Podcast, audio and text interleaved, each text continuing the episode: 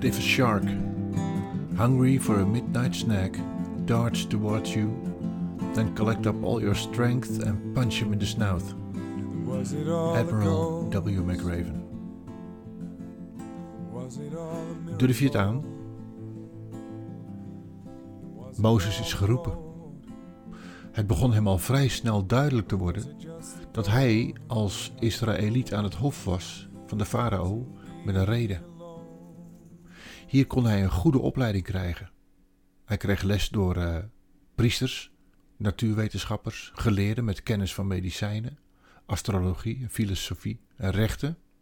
Van de geschiedschrijver Flavius Josephus weten we dat Mozes voor de farao ook militaire overwinningen heeft behaald in landen buiten Egypte.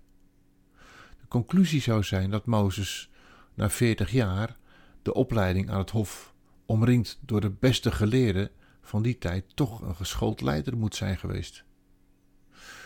Hmm. Mozes zal veel aan zijn opleiding hebben gehad tijdens zijn reis met het volk door de woestijn.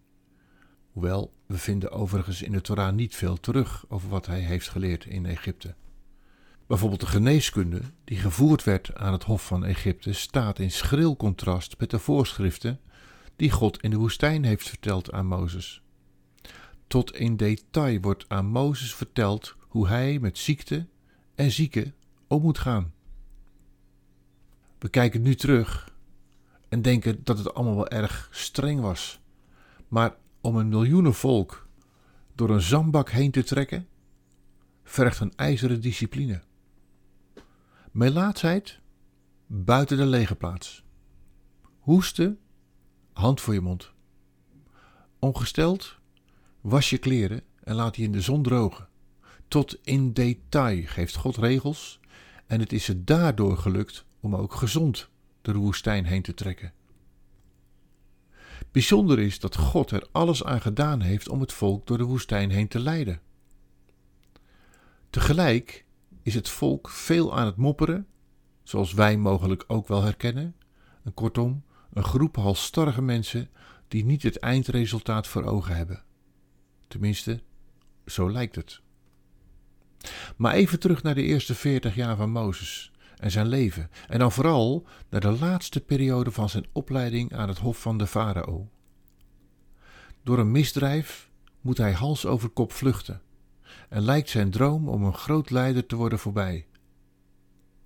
Dan krijgt Mozes een neerleiding, zoals ik al eerder zei. Hij moet afleren dat hij door zijn opleiding en persoonlijke talenten Gods volk kan uitleiden. Nee, alles wordt hem uit handen genomen. Zijn inzicht, zijn kracht, kennis, zijn wetenschap. En hij is tachtig als God hem uiteindelijk geschikt acht en roept. En het is die struik in de woestijn, die vreemde struik die maar wil niet verbranden.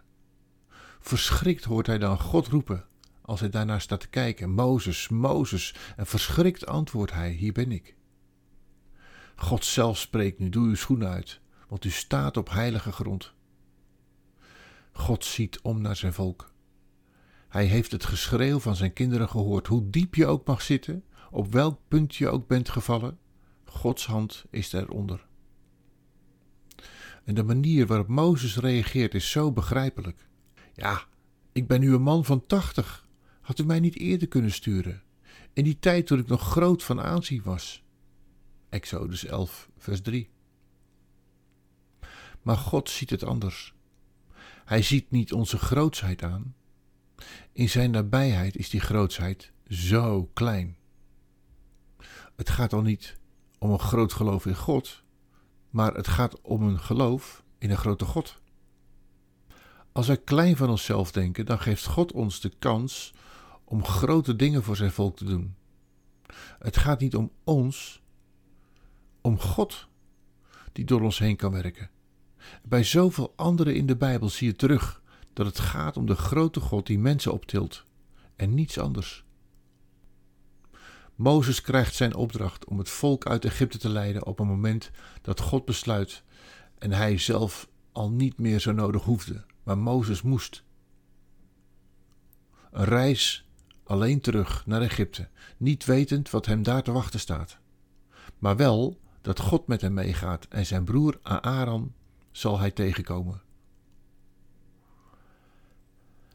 En er moet een enorme organisatie op gang komen. En als Egypte in puin ligt na de vele plagen die God over het land brengt, vertrekt Israël met alles wat ze konden meenemen. Op karren gezet sjouwen ze alles mee wat ze over de onverharde wegen moeten mee kunnen nemen. Het moet een indrukwekkende tocht zijn geweest. Zelfs de stoffelijke resten van Jozef worden meegenomen. En ik stel me zo voor dat ik ergens op het pad dat grote volk aan komen. Ik sta klaar om ze te verwelkomen en de grote Mozes naar me toe te vragen om een interview af te nemen. Uh, microfoon klaar, camera's draaien, belichting in orde. Kijk, daar komt hij. Goedemorgen, beste kijkers. U bent nu live verbonden met RTL Boulevard. We krijgen nu in de verte het volk te zien, wat over enkele minuten hier kan zijn. En dan zullen we eindelijk de grote leider van het volk spreken. De leider, de man van wie we zoveel gehoord hebben. We krijgen eindelijk een glimp in het binnenste van de organisatie om persoonlijk getuige te zijn van dit grote wonder. Ik ben benieuwd wat voor geheimen hij heeft waardoor hij zo succesvol door de woestijn kan lopen met zo'n groot volk. Ja, goedemiddag meneer Mozes. We zijn blij u eindelijk live te ontmoeten en de verhalen te staven door uw eigen antwoorden.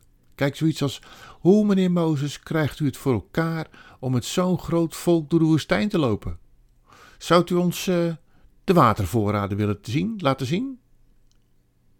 Ja, heb ik niet. Oké, maar hoe heeft u dan het vervoer van het eten geregeld?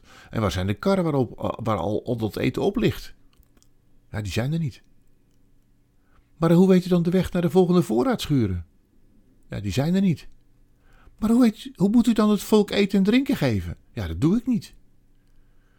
Maar weet u wel waar u naartoe moet? Nee. Als de wolk voor ons uitgaat, dan gaan we. En als de wolk stilstaat, dan stoppen we. De journalist van de RTL krabt even achter zijn oren. En uh, durven wij dit eigenlijk aan? Zouden wij God volgen op de manier waarop Mozes dit heeft gedaan? Zonder voorbereiding, zonder eten, zonder drinken? Wat we kunnen leren van deze geschiedenis is dat God op een bijzondere manier de problemen oplost en daarbij mensen inzet die hij voorbereidt op een manier die ze zelf niet altijd doorhebben, net als Mozes. Kijk, God laat niet los wat hij is begonnen. Het kan zijn dat jij de dingen hebt opgegeven of dat je het niet meer ziet zitten. We moeten er rekening mee houden dat God daar anders over denkt. In dit geval is het opletten met bidden. Luisteren naar, God, naar wat God te zeggen heeft kan een gevaarlijke zaak zijn en het kan je op een weg zetten zonder dat je weet waar die eindigt. Durven we dat? En tegelijk is het ook letten op wat we tegen God zeggen. Ook dat kan gevaarlijk zijn, want God luistert. Ik zeg het wel eens vaker: bidden is hartstikke gevaarlijk, joh.